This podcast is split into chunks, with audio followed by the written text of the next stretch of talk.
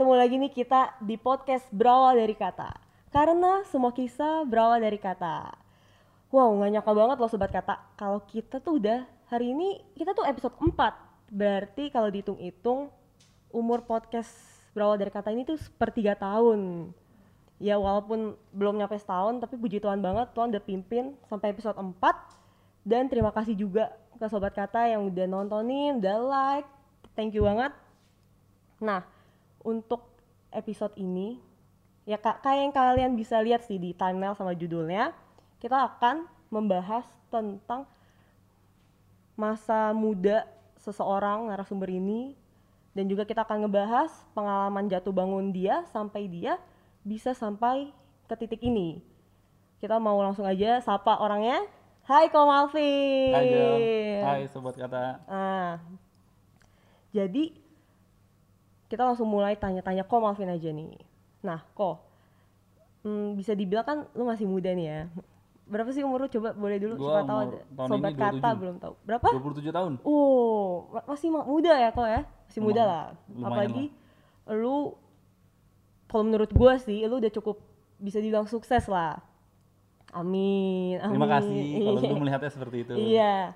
Nah, ini boleh nih, lu sharingin dulu eh, bisnis seperti apa sih yang lu tekunin ini? Oke, jadi gua itu bergerak di bisnis uh, direct selling Kalau di Mm-hmm. luar mungkin orang kenal sebagai network marketing atau multi level marketing Jadi Mm. uh, tentu aja maksudnya kalau di, di, di masyarakat tuh banyak brandnya Nah gue berada di salah satu perusahaan uh, direct selling yang cukup besar lah di Indonesia Hmm. Nah, berarti apa sih yang lu lakukan gitu di bisnis itu? Sehari-harinya, pekerjaan lu untuk mencapai kesuksesan, mendapatkan em, cuan untuk menghidupi hidup lu gitu. Uh, yang gue lakukan ya, yang gue lakukan Mm-hmm. di bisnis gue, uh, kalau cuma mau dipersimpel, Mm-hmm. uh, gue cuma ngelakuin uh, sharing. Intinya sih sharing ya.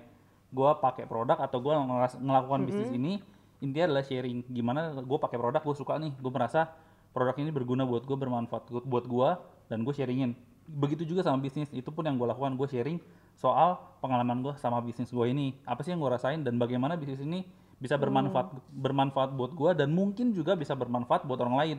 Jadi buat orang-orang yang kayak mungkin butuh peluang bisnis tapi bingung gimana atau misalnya modalnya nggak nggak cukup. Nah itu di situ gue sharing, gue sharing. "Ah, nih gue punya bisnis dengan uh, bla bla bla bla blanya Hmm. apa yang ditawarkan dan uh, siapa tahu bisa bantu tolong- bantu orang itu untuk mulai ngelakuin sesuatu gitu. Hmm, berarti kalau gue lihat berarti sekarang lu udah cukup firm ya, lu cukup tahu apa yang lu kerjakan dan lu terlihat enjoy sih mel- melakukan hal ini kan. Mhm. Nah, berarti sejak kapan sih lu sejak kapan lu tekunin bisnis ini gini?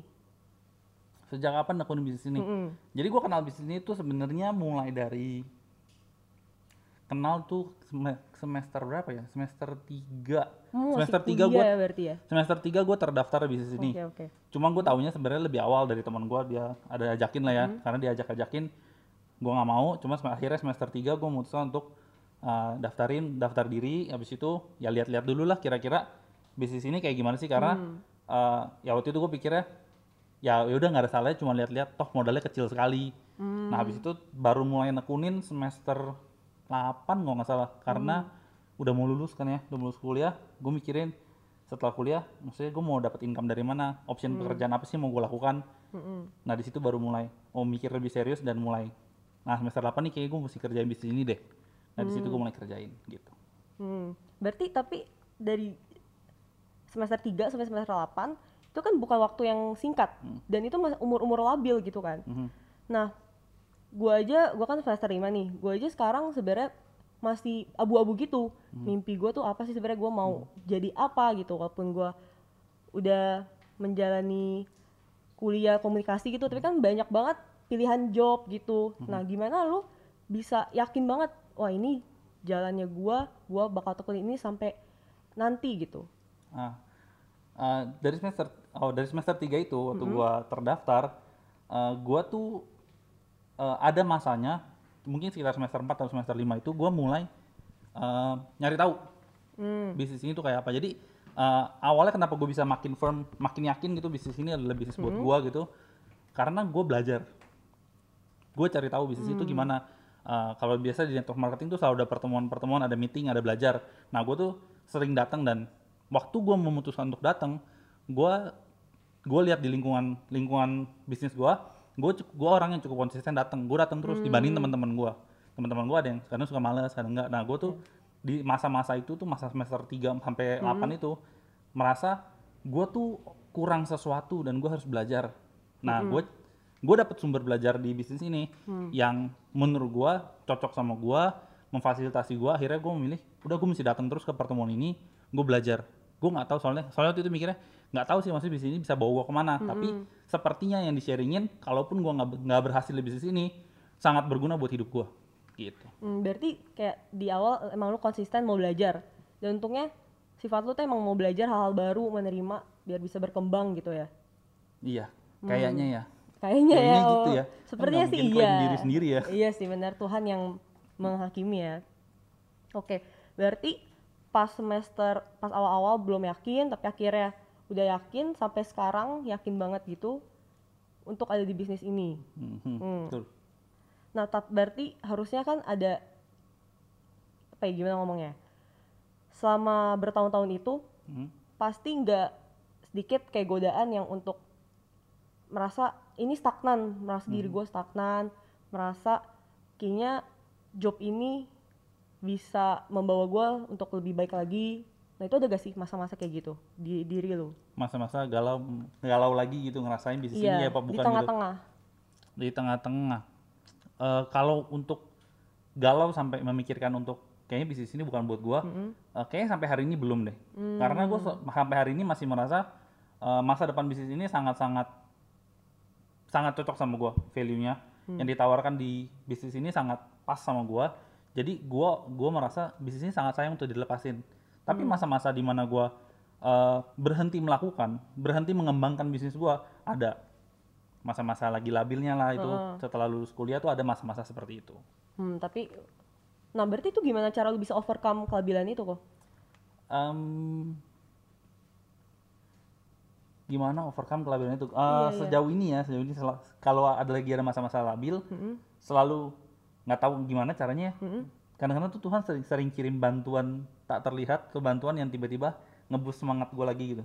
Oh. Kadang-kadang malas bisnis ini, maksudnya gue kadang-kadang ya udahlah eh, bisnisnya udah udah cukup udah mulai running, udah nggak usah dikembangin lagi, santai dulu aja, santai dulu aja. Nah cuman di, di momen-momen kayak gitu kadang-kadang tuh Tuhan suka eh nggak boleh gitu loh, nih lu punya visi lebih besar, lu lu tuh punya impian untuk mencapai sesuatu di bisnis ini, nih gue kasih gue kasih dorongan semangat sedikit, Oh. entah itu tiba-tiba ada ada leader baru kah, tiba-tiba ada closing produk yang lumayan lumayan jumlahnya lumayan besar lah. Jadi maksudnya tiba yang kayak gitu-gitu kadang-kadang tuh nyemangatin atau kadang-kadang tuh gue sering nemuin eh, waktu gue bertanya sama diri gue sendiri sih. Jadi gue sering berusaha reflektif lah ya, mikir sebenarnya apa sih yang mau lu capai. Kalau sekarang lagi nganggur gini, lu nggak ngapa-ngapain nih, nggak mau kerjain bisnisnya, sebenarnya apa sih yang mau lu kejar? Nah di situ tuh eh, diri gue bertarungan di, di kepala gue tuh, Hmm. Bertarung tuh yang Emang face shield-nya agak-agak jadi yang yang baik sama yang jahat lagi berantem. Nah itu tuh di situ tuh uh, struggling lah ya mikir mikir berdoa Iya. mikir berdoa sampai nemuin jawabannya untuk ah firm nih. Oh nih. Ayolah. Coba coba lagi coba lagi gitu. Hmm. Berarti menarik banget sih kalau gue dengar-dengar, kalau gue dari dengar tadi, cara Tuhan bisa membuat lu bisa nemuin jalan lu lagi dan emang ini adalah panggilannya Tuhan gitu biar lu bisa sharing dengan cara lu sendiri dengan bidang lu sendiri. Nah itu menarik sih menurut gua. Nah karena ini kan bidang multi level marketing nih kalau gue denger dengar nih dari banyak banget perspektif stereotip yang ada di masyarakat. Nah ini coba gue bacain ya beberapa. Nah yang pertama pertemanan tidak tulus karena banyak orang memandang ini bisnis ini berteman karena untuk berbisnis doang. Itu yang pertama. Yang kedua bisnis ini bisa menghasilkan keuntungan yang bombastis spektakuler banget hanya dengan modal yang kecil. Jadi ya bisa pensiun dini dengan passive income. Nah gimana lo menanggapinya? Dari perspektif lo yang udah bertahun-tahun ini di bisnis ini gimana? Gue jawab yang kedua dulu boleh ya? Boleh banget. Modalnya kecil bisa hasil bombastis. Ya Uh, actually itu benar. Hmm. Cuman uh, tapi nggak cuma di dunia multi level marketing sih sebenarnya. Di dunia bisnis banyak yang seperti itu cuman memang kadang-kadang kalau gua menilainya nemuin jalurnya lebih susah karena biasanya yang kayak gitu yang modalnya kecil dan untuk hasilnya yang bombastis Hmm. lu pasti punya sesuatu yang berbeda dan terobosan yang sangat inovatif Hmm. sehingga jadi beda di market dan orang nyerbu lu nah Hmm. cuman untuk menemukan sampai ke situ lumayan susah kenapa karena lu Iya. sendirian Hmm. nggak ada guide nah sementara kalau gua mengkonfirm bener gitu uh, lu bisa dengan modal kecil menghasilkan yang lumayan di bisnis Hmm. multi level marketing karena biasanya kalau di multi level marketing selalu ada ada mentor lah ya Oh iya. ada yang nge-guide lu Ya, cuman ini gua ngomong soal multi level marketing yang benar ya Hmm. Emang ada yang nggak benar tuh? Hmm, Banyak. ada ada yang punya yang namanya doang multi level marketing Mm-hmm. namanya network marketing tapi sebenarnya aktual di lapangannya yang secara mekanismenya bukan bukan multi level marketing Ya, Berarti cuma tuh itu hitungannya penipuan gitu? Hmm, ya buat gua ya, buat gua kayak gitu kira-kira Hmm. kayak semacam money game atau investasi bodong itulah ya. Oh berarti emang kalau misalnya sobat kata nih ada yang mau tertarik itu emang harus tahu banget seperti bisnis apa yang dia jalanin harus cari tahu dulu ya asal Betul. usulnya benar-benar. Betul harus cari tahu dulu, jangan sampai eh, maksudnya lu jalanin, Hmm. sobat kita jalanin nih terus pas udah jalanin terus merasa tertipu. Akhirnya Hmm. stigma multi level marketing itu jelek muncul Iya, di iya. maka- makanya jadi banyak karena banyak yang penipuan Benar-benar benar. gitu. Iya Nah, terus sih. yang pertama tadi Hmm? eh, pertemanan jadi nggak tulus gitu ya. Nah, eh, buat gua. Iya. Nah, sekarang gue pikirnya sih gini ya. Kalau mau mau realita, mm-mm. realita memang memang di nanti di market di di masyarakat kita tuh pasti bergaul dan berteman karena kepentingan. Bener gak sih? Mutualisme juga ya. Iya, pasti mutualisme karena eh, maksudnya kalau mau ngomong tulus banget ya ya gimana pasti ada kepentingannya. Lu sekarang juga pasti berteman ada kepentingannya pasti sama teman-teman sekitar lu. Benar sih. Ada nggak yang udah nggak konteks sekian lama? Ada, ada. Ada. ya. Ya, Iya. maksudnya kalau lu ngobrol sama dia lagi bukan berarti nggak tulus kan gitu. Iya.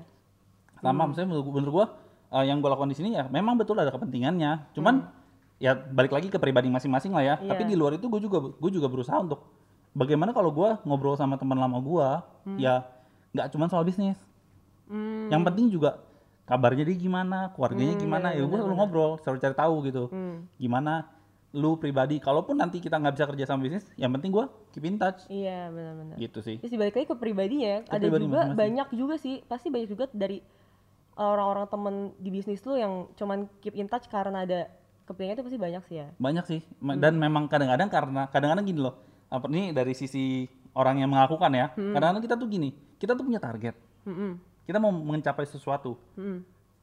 jadi kita akan berusaha maksimal bener gak Betul, betul. contohnya Angel eh, lu buka usaha eh, ayam goreng lah ya misalnya Nah, boleh lah, ayam boleh. goreng lu buka usaha ayam goreng eh, lu akan berusaha nawarin temen lu gak Bener, bener, untuk untuk beli bener. bener itu tulus apa enggak 50 persen, 50 persen sih kayaknya. lu mau temen lu coba makanan enak lu Bener. dan lu mau bisnis lu running Hmm. bener kan Apalagi temen, kalau temen gue tuh makanan favoritnya ayam, pasti Hmm. akan gue tawarin lah. nah apakah berarti itu nggak nggak tulus Enggak, Nggak, itu nggak tulus, juga dong. Karena tulus. karena yang lo kan adalah gue sharing aja nih. Bener. Ini gue lagi usaha ini nih. Hmm. Lu cerita ke temen lu. Kalau temen lu suportif mungkin dia biarpun nggak suka dia akan beli. Atau temen lu emang nggak nggak makan ayam ya udah. Iya, iya. Oh ya nanti gue share ke teman yang lain nih. Kira-kira Iya. gitu kan. Hmm. Sama sih. Yang Hmm. yang terjadi ya begitu gitu kita. Iya, iya. Tapi emang karena ada stigma, stigma negatif, perspektif negatif, jadinya ya bawaannya udah kayak mumet dulu gitu ya Ya orang banyak masyarakat. kalau di masyarakat ya kebanyakan gue menemukan orang menolak sebenarnya bukan menolak multi level marketingnya, Hmm. tapi mereka menolak pemi- ide pemikiran yang ada tentang multi level marketing yang ada di kepala mereka. Udah emang nolak mendengarnya ya. Iya, jadinya karena mereka udah punya perspektif, mereka udah punya opini. Jadinya begitu kita cerita sesuatu tentang yang ada di kepala mereka, mereka langsung kebayang tuh multi level marketing di kepala mereka seperti Iya, apa. Padahal kita mesti ngecek dong di lapangan uh, multi level marketing ini sama nggak sih sama yang dilak- yang gua alami sebelumnya atau nggak sama nggak sih sama yang diceritain orang. Nah kadang-kadang karena ada opini itu orang menutup dirinya untuk menerima informasi baru. Hmm, iya iya iya, menutup diri bener sih. Tapi kan mereka juga sebenarnya ini ya, emang ya hidup mereka juga sih ya. Jadi yang penting kita udah berusaha mau sharing yang baik nih, tulus. Ya intinya sharing ya. sharing aja tulus, uh, Betul. sebisa setulus mungkin. Benar benar benar Gitu. benar. Nah oke, kayaknya suara gue suara gue udah mulai agak kurang asupan gitu. Hmm. Nah ini di depan kita kebetulan ada yang segar-segar. Oh. Ini bukan pajangan btw, bisa nih ambil boleh. Lumayan, ini ada tiga rasa. Hmm. dari ini adalah yogurt dari Yummy Trophy. Bisa didapetin di Caremart nih. Ada tiga rasa, leci, mangga sama strawberry. Lu mau yang mangga atau strawberry? Strawberry. Aja. strawberry, gua suka strawberry. Let's go, let's go. Langsung aja kita cicipin kesegaran ini. Karena ini gue butuh banget nih dahaga nih. Duh. Dari tadi gue udah ngeliatin gue udah haus tau. Iya, udah liatin ya. Aduh, udah ngode nih. Tenang, tenang. Dapat, dapat. Ini juga satu kalau mau bawa pulang, boleh banget. boleh banget. Nah, ini harga itu 20.000 nih kalian bisa dapetin di aplikasi Gereja Kristus Ketapang. Oh, nggak bisa kecium ternyata. Soalnya ada face shield, astaga. Package-nya bagus guys. Ada ini. Ini ada apanya sih? Oh iya bener. Bener. Ini tuh ada tiga lapisan, cantik banget sih ini. Instra Instagramable banget, parah. Cobain ya, gue cobain ya. Iya boleh cobain dulu aja. Rasa strawberry. Oke, ternyata nih udah terbukti Yummy Trophy tuh yummy banget. Nah tapi kita harus lanjut ngobrol dulu Hmm. nih sharing-sharing. Jadi ini kita bakal abisin abis ini. Nah jadi sekarang kita udah seger lagi. Kita juga udah lumayan mengulik surface-nya dari pengalaman lu ini. Kan kita mau ini dulu, main games dulu. Boleh, boleh. Jadi lu sharing-sharing dengan games ini. Oke. Nah, jadi nama games itu kan setuju gak nih? Nah, jadi ini silahkan pegang dulu. Jadi nanti kalau gua udah kasih statement, Mhm. kalau lu setuju ya tentu saja yang centang ya. Setuju iya, ini, oke. jangan terbalik. Nanti gua kasih aba-aba dulu pernyataan satu, dua, tiga, baru angkat. Jadi lu ya lumayan punya waktu berpikir tiga detik. Habis itu nanti di dikasih tahu alasannya. Betul. Oke, oke. Nah, ini contoh pertanyaan dulu. Contoh, Contoh, contoh ya, ya. Jadi timingnya bisa pas nih ya. Contoh, setuju gak nih? Promosi produk lebih seru dibanding main futsal. Satu, dua, tiga. Oh, oke oke. Untungnya ini ini ya. Ini berarti seruan main futsal ya sebenarnya ya. Kalau ngomong seru, seru main futsal. Oke, ini karena contoh kita tidak akan mendalami lebih lagi. Iya. Oke. Oke. Lanjut nih sobat kata ke pertanyaan kedua. Eh pertanyaan kedua, pertanyaan Pertama. asli, pertanyaan benerannya. Setuju gak nih? Kerja lebih penting dibanding sekolah. Satu, dua, tiga. Oke, coba boleh nih sharingnya. Dari perspektif lu gimana? Kerja lebih penting daripada sekolah. Sekolah formal kan ya? Betul. I, menurut gua iya karena di lapangan di, di tempat kerja justru dapat belajar lebih banyak sih. ya. Kalau- Kalau secara pengalaman gua eh, ilmu yang ada di lapangan kerja itu lebih lebih maksudnya lebih ber- bermanfaatnya langsung gitu Hmm, ke kehidupan. Kalau misalnya kadang-kadang kan kalau di sekolah belajar teori kan. iya sih, Jadi benar-benar. jadi menurut gua ilmu di pekerjaan lebih penting daripada ilmu di sekolah. Tapi kalau misalnya kerja lebih penting daripada belajar apa enggak? Ah, itu gua nggak setuju. Gua setuju belajar lebih penting. Tapi kan kalau sekolah, kalau kita nggak sekolah, gimana kita bisa keterima kerja kok? Keterima kerja kantor. Kerja, Iya, nggak bisa Oh, kalau nggak kalau mau kantor ya, lu butuh ijazah. Tapi kalau misalkan pekerjaan kan banyak. Oh iya sih. kan nggak harus ke sekolah. Banyak tuh yang di Tanah Abang yang sukses besar tapi nggak Oh sekolah. iya, bener. Yang penting balik lagi ke diri sendiri ya. Iya, Gimana- karena karena belajar nggak cuma di sekolah, Bener, di mana pun bener. belajar. Sekolah, oke oke. Berarti ya yang penting diri sendiri ya bisa mencari pembelajaran yang lebih luas lagi. Hmm. Kalau misalnya emang, tapi sekolah juga penting ya sebenarnya ya. Sekolah penting, sekolah ilmu. penting. Buat sobat kata, sekolah tuh penting sekali. Iya, harus rajin belajar ya. Yang masih sekolah, belajar yang banyak di sekolah tuh ilmunya banyak. Betul. Tapi nanti di pekerjaan ada ilmu yang berbeda yang teman-teman dapetin. Betul. Nah, pertanyaan selanjutnya. Setuju gak nih kesuksesan diukur dengan angka? Kayak misalnya uang, followers, persenan bos gitu. Satu, dua, tiga. Oke, boleh langsung sharingin aja. Sukses buat gua, buat buat setiap orang berbeda. Betul sih benar. Nggak bisa diukur menurut gua pakai angka. Karena, Karena eh, ya maksudnya mungkin buat buat Angel mm-mm, eh, punya income punya dapat dapat gaji atau income per bulan 100 juta mm-mm, itu sukses buat Angel. Tapi buat beberapa orang enggak. Mm, tapi juga buat beberapa orang gaji 7 juta sebulan tuh bisa, udah bisa dinilai sebagai kesuksesan. Mm, karena dia datang dari background yang tidak punya income sebesar itu. Jadi sukses menurut gua variatif sekali. Buat gue yang lebih penting dibanding angka itu adalah eh, bagaimana lu enjoy kehidupan lu di ke- di kesuksesan versinya lu. Jadi setiap orang harus mengejar dan mencapai kesuksesan versi masing-masing. Hmm. Dan biasanya kayaknya ya kesuksesan itu bisa maju terus ya kayak misalnya sukses gua gue udah sampai A nih Mhm. tapi karena gue udah sampai A jadi ada sesuatu lagi yang mau gua capai kayak gitu juga ya Betul betul. Soalnya gini, eh, ini kayak kayak kalau misalnya kita pergi, kita jalan jalan panjang nih ya. Kadang-kadang tuh kita nggak tahu sesuatu yang ada di ujung jalan itu apa. Kalau kita udah nyampe ujung jalan itu kita bisa ngelihat apa. Nah, ya bener sukses itu akan maju terus karena begitu kita maju ke titik yang kita capai, kita akan melihat sesuatu yang berbeda lagi. Nah, di situlah kita menemukan kesuksesan yang baru yang kita kerjakan lagi. hmm berarti kalau sekarang kesuksesan lu tuh berarti masih ada panjang jalan panjang yang harus Masih masih panjang. mau lu tuju ya Kalau di kalau gue di bisnis gue, gue meli, gue melihat masih panjang jalannya. hmm, masih panjang banget Masih banyak yang mau diperjuangkan. Mungkin sejauh Jakarta ke puncak gak? Atau nggak lebih tahu, jauh lagi nggak tahu mungkin lebih ya mungkin lebih mungkin enggak oh Sabang soalnya Merauke soalnya eh, banyak sih yang mau dikejar Hmm. nggak cuma ngomong soal keuangan ya Iya. nggak cuma ngomong finansial tapi eh, ada misi-misi lain yang Hmm. mau dicapai gitu jadi kalau gua nilai sih panjang lumayan panjang Oke, sip. Lanjut ke setuju gak nih yang ketiga. Setuju gak nih kok kalau keluarga lebih penting dari kerjaan? Satu, dua, tiga. Ois, langsung centang. Coba, gimana? Kenapa nih?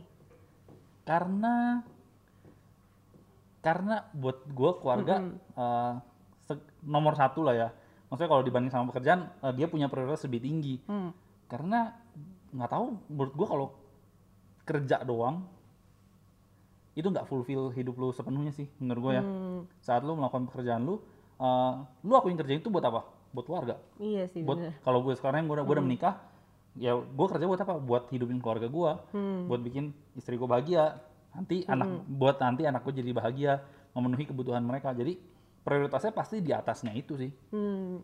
Keluarga juga sometimes sangatlah memberikan moral support ya ke, bi- ke pribadi. kadang-kadang saat lu nggak punya saat lu nggak punya pekerjaan saat lu ngalami hal susah di di pekerjaan justru keluarga yang support. Hmm. dan ya selalu ujung-ujungnya lari ke sana gitu kalau misalnya kadang-kadang gue suka nanya gini kalau lu kalau lu udah nggak punya masalah keuangan apa sih yang mau lu apa sih yang penting buat lu Hmm. pasti orang pikir oh keluarga keluarga keluarga gue mau uh, ajak keluarga gue jalan-jalan jadi Bener-bener.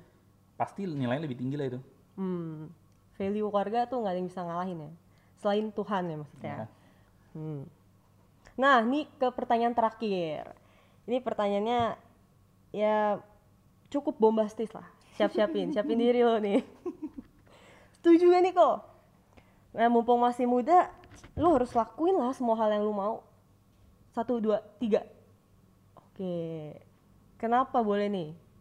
Uh, selagi masih muda lu harus lak- Lakuin semua hal lu nggak harus lakuin semua hal yang lu mau Oh, tapi lakuinlah semua hal yang lu harus lakukan untuk mencapai sesuatu yang lebih besar kalau orang pikir- orang bilang suka uh, play now pay later play now, pay later pay, oh pay later. Nah, lu main-main sekarang nantilah Hmm. baru urusin Oh. kerjaan segala macam baru kerja baru serius tentang kehidupan Hmm.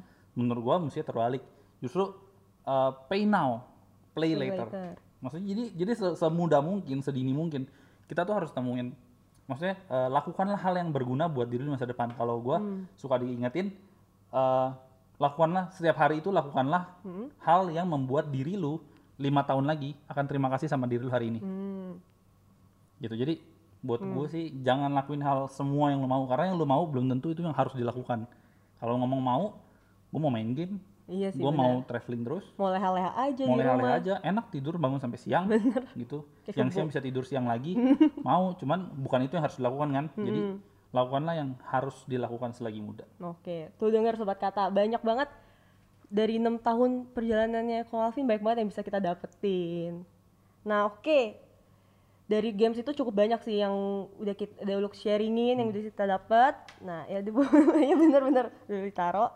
Nah, sekarang kita mau lebih go deeper nih kok ke pengalaman lu. Mhm. Kalau tadi kita udah bahas secuplik bisnis lu kayak gimana, apa yang lu lakukan, Em, kalau lagi down jalan seperti apa yang Tuhan kasih nah nah kan gue gue dengar dengar lu pernah jadi coach futsal cukup lama ya? Nih mungkin man. Untuk mengingatkan. Untuk mengikat untuk mengingatkan lu mungkin uh nih kok Kok ada ini coba pegang dulu nih rasa-rasakan lagi. Memori-memori yang tersisa tersimpan pas jadi coach futsal. Nah Masa lalu ini. nah ini kan Hmm. eh, cukup lama kan jadi coach futsal.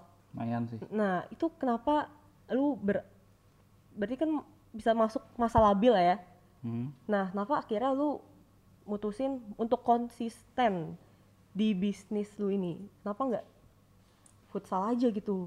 Kan kan lebih seru Betul sih, dibanding betul, betul, promosi betul, produk betul, kan? betul, betul, betul. iya.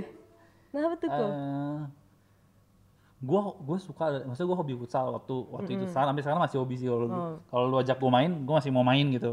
Iya. Eh, kenapa gue lebih memilih akhirnya fokus di pekerjaan daripada terusin ngelatih aja. Mm-mm. Em, apa ya gue nggak melihat sesuatu yang gue inginkan yang gue harapkan Hmm. di kehidupan gue beberapa tahun ke depan lewat ngajar bola. Hmm. gitu. Kecuali kalau emang mau fokus jadi atlet kali ya? Ya mungkin atau gue ber sangat berambisi untuk buat tim dan membuat tim gue masuk ke liga profesional atau liga amatir. Cuman eh, itu bukan bukan sesuatu yang gue kejar. Jadi akhirnya gue memutuskan untuk ya udah maksudnya udahan lah dari ngelatih ini Hmm. gitu berarti emang menjadi coach ini adalah proses lu bisa nemuin mimpi lu yang sekarang bener-bener ya ya jalan bareng sih ya soalnya kan bisnis sama pas ngajar ini juga barengan oh sebenarnya iya iya iya gue bisnis juga gue ngajar juga gitu. tapi akhirnya jadi meyakinkan diri sendiri oh akhirnya jalan gua kayak ini Ya, nih betul. Hmm. nah terus dari pengalaman pengalaman lu selama ini kan lu tadi udah sempat cerita ada mentor-mentor yang nge-guide lu ada orang-orang yang Tuhan kirim unexpectedly gitu loh. Oh ternyata nih orang bisa ngebuat gua lebih semangat lagi nih jadi nggak galau lagi. Nah coba boleh ceritain satu pengalaman yang ngebuat diri lu nggak bisa lupa sampai sekarang gitu di mana Tuhan ngasih jalan itu orang itu di hidup lo pas lagi downnya kenapa mungkin pertanyaan ini tidak ada di obrolan kemarin oh ya oh iya mikir dulu boleh gak Eh, boleh boleh boleh mikir dulu ya ini nanti dikat aja Iya. Soalnya kemarin lu sempet bilang kan ada orang-orang yang unexpectedly ya gitu. Hmm. Ya dari situ muncullah pertanyaan ini kok. Ya tapi mungkin karena disuruh pilih satu, jadi kan susah kan ya. iya Saya kan banyak kan. Oh, bentar ya mikir Yang dulu. paling menyentuh banget gitu. Em, oke ini ini ini salah satu pengalaman. Mm-mm, Pengalaman salah yang- satu. yang berkesan buat gua. Mm-mm. jadi gue pernah ada di satu fase eh, rasanya pintu yang perlu gua ketok atau maksudnya eh, peluang gue untuk melakukan bisnis maksudnya ngembangin bisnis lagi kayak makin mengecil. Kenapa? Karena kan semakin lama of course kenalan makin habis. Karena kan bisnis gue perlu ngobrol dengan banyak orang. Kenalan baru kenalan baru. Gue merasa makin lama bisnis gue habis. Karena waktu gue kerjain bisnis ini eh, teman gue ngajak gue kan duluan tuh. Hmm. dia udah ngontek semua Oh teman-teman iya sangkatan gue sampai gue nggak punya kenalan lagi. Maksudnya teman-teman gue tuh semua udah disikat. Udah habis. Bener. jadi gue kehabisan eh, market lah ceritanya. Nah di momen-momen itu eh, kayak cuma satu dua pintu. Nah nah yang mentor gue ingetin ya udah sekarang yang ada di depan jalan kamu lakuin dulu. Kita nggak tahu hasil nanti keluarnya apa. Nah ya udah maksudnya eh, karena sebenarnya gue sayang kalau misalkan gue cuma punya tinggal lima kenalan ini atau tiga kenalan ini untuk gue di daftar nama gue begitu gue ajak mereka bisnis mereka semua tolak gue gue udah kehabisan amunisi. Nah cuman ternyata eh, selalu diingetin sama mentor gue jangan pikir seperti itu. Lakukan dulu nanti eh, nanti dari situ pasti kebuka sesuatu yang yang yang lu nggak nyangka. Dan bener-bener aja waktu dilakuin gue dapetin sesuatu yang eh, nggak gue sangka lah. Hmm. Menemukan orang yang sevisi sama gua, menemukan orang yang meng- menganggap value dari bisnis ini cocok sama mereka, akhirnya kita jadi kerjasama, akhirnya uh, bisnisnya moving lagi. Hmm. Gitu. Berarti itu termasuk turning point kah? Atau hanya proses? Hmm. Hanya prosesnya? itu pengalaman lah ya, bukan sebuah bukan sebuah turning point yang paling besar, cuman itu salah satu pengalaman aja. Oke, oh berarti menarik ya gimana? Sebenarnya ini juga campur tangan Tuhan ya, ngasih mentor itu, nge-guide lu. Hmm. Wow, kalau nggak ada mungkin ya pasti lu bisa sedih, kayak galau banget gitu ya. Gimana Pasti. nih jalan depannya? kalau nggak ada mentor, kalau nggak ada mentor gue ini, kalau koko dengar, mungkin gue sudah tidak ada di bisnis ini. Oh, shout out to mentor mungkin gue sudah menyerah dan gue mungkin melakukan hal lain yang gue belum bahkan belum tahu itu apa. Hmm, sampai sekarang masih jadi mentor lu? Masih sampai hari ini. Wow masih buat gue di orang ini ya mentor for life lah. Wow. Hmm. gue kan selalu bisa belajar banyak dari dia. Wow wow. Oke. Nice banget. Berarti nah berarti ini kan masih salah satu pengalaman yang berkesan banget buat lu nah, tapi kalau untuk titik turning point lu itu ada di mana kok berarti turning point maksudnya itu gue memikirkan bisnis ini eh, karir gue sampai habis itu iya Atau sampai gimana? seumur hidup lu for your whole sampai life seumur gitu. hidup hmm, gue nggak inget persis kapan Mm-mm. gue nggak inget persis apa cuman yang pasti pemikiran ini yang membuat gue memutuskan uh, gue nggak akan lepasin bisnis ini. Mm-mm. M- mungkin mungkin gue ada masanya nanti lelah nggak mau kerjain tapi gue nggak akan pernah lepasin. Nah Hmm. momennya adalah eh, momennya tuh uh, come day by day gitu lah. Maksudnya uh, sedikit sedikit sedikit akhirnya Hmm. kumpul di mindset gue jadinya ini loh gitu. Jadi buat gue uh, bisnis ini off, mengoffer sesuatu yang gue nggak bisa achieve dari tempat lain mungkin bisa tapi dengan cara yang sangat sangat sulit. Hmm. dan gue nggak nemuin caranya dan mungkin gue juga orang yang uh, nggak se excellent itu nggak sebrilian itu untuk menemukan jalan seperti ini. Jadi gua uh, merasa bisnis ini tuh punya value yang gua nggak bisa dapetin. Bisa nggak gue dapet income lebih besar dari, dari pekerjaan lain? Sangat bisa gue yakin. Uh, kalau Tuhan mau buka jalan ke tempat lain gua pasti bisa gitu. Dan gua pede sama kapasitas diri gua. Cuman uh, apakah yang gue kejar income cuma income itu? Enggak ternyata. Jadi uh, terbisnis ini menawarkan sesuatu yang sesuai dengan value gua sehingga gue yakin sekali bisnis ini gue nggak akan lepasin. Hmm.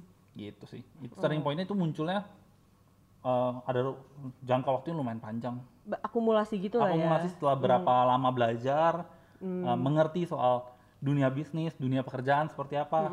Banyak sharing karena di bisnis gue gue ketemu banyak banyak job banyak profesi. Mm-mm. ada yang bisnismen ada yang karyawan ada yang udah senior di dunia karyawan ada yang owner pabrik ada yang owner eh maksudnya CEO ada yang macem-macem backgroundnya.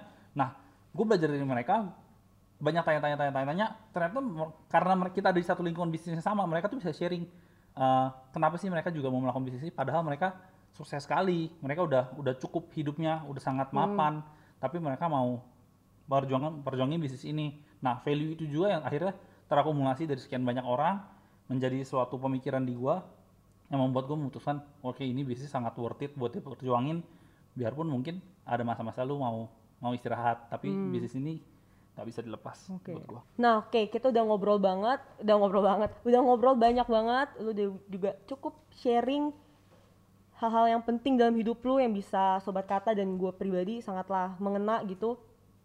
Nah, sekarang nih untuk penutup, penutup acara podcast berawal dari kata ini, gue mau lu membayangkan kayak anggap aja kita lagi time traveling Hmm. ke umur lu 60 tahun. Nah, coba gue kasih lu waktu 5 detik nih untuk berpikir sosok seperti apa lu di umur 60 itu. 5 detik dari sekarang. Ya udah, udah 5 detik. Gimana udah terpikir belum? Sosok seperti apa? terbayang Yang gimana tuh? Terbayang gua eh, diri gua di enam- di umur 60 ya Betul. eh, punya family Mm-mm. yang pasti bahagia Amin. Eh, di umur itu pasti udah punya kebebasan finansial Hmm. Uh, dan di umur itu gue menanti-nanti masa di mana uh, maksudnya gue udah menanti-nanti dan melihat menyaksikan secara live uh, transformasi kehidupan uh, orang-orang yang yang disentuh oleh mungkin secara dari gue dari langsung atau dari bisnis gue dari grup gue gitu. Jadi gue melihat orang-orang berkembang dari yang zero dari yang mungkin angel mungkin angel atau siapa yang orang yang menolak mati-matian bisnis ini dan tiba- dan hari, di umur gue 60 dia bisa berterima kasih. Maksudnya udah pernah bisnis ini mengubah hidup mereka memberikan sesuatu kehidupan yang mereka tidak pernah bayangkan. Gue membayangkan umur 60 gue melihat banyak hal-hal seperti itu. Oh. menuai keajaiban kali ya. Mm-mm. Berarti melihat berkat yang udah lu kasih dampaknya apa ke orang lain ya?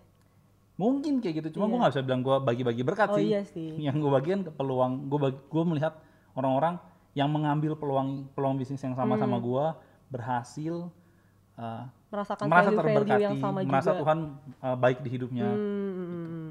Oke, zero to hero ya, pas sadis. Oke.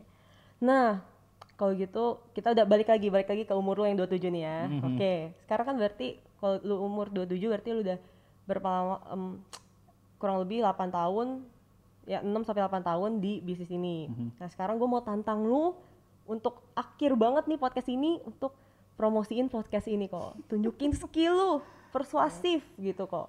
Nah, jadi lu ngomong gini kayak reminder acara podcast ini tayang tiap awal bulan minggu pertama jam 7 di YouTube channel Gereja Kristus Tapa. Terus paling standar-standar like, comment, subscribe gitu kok.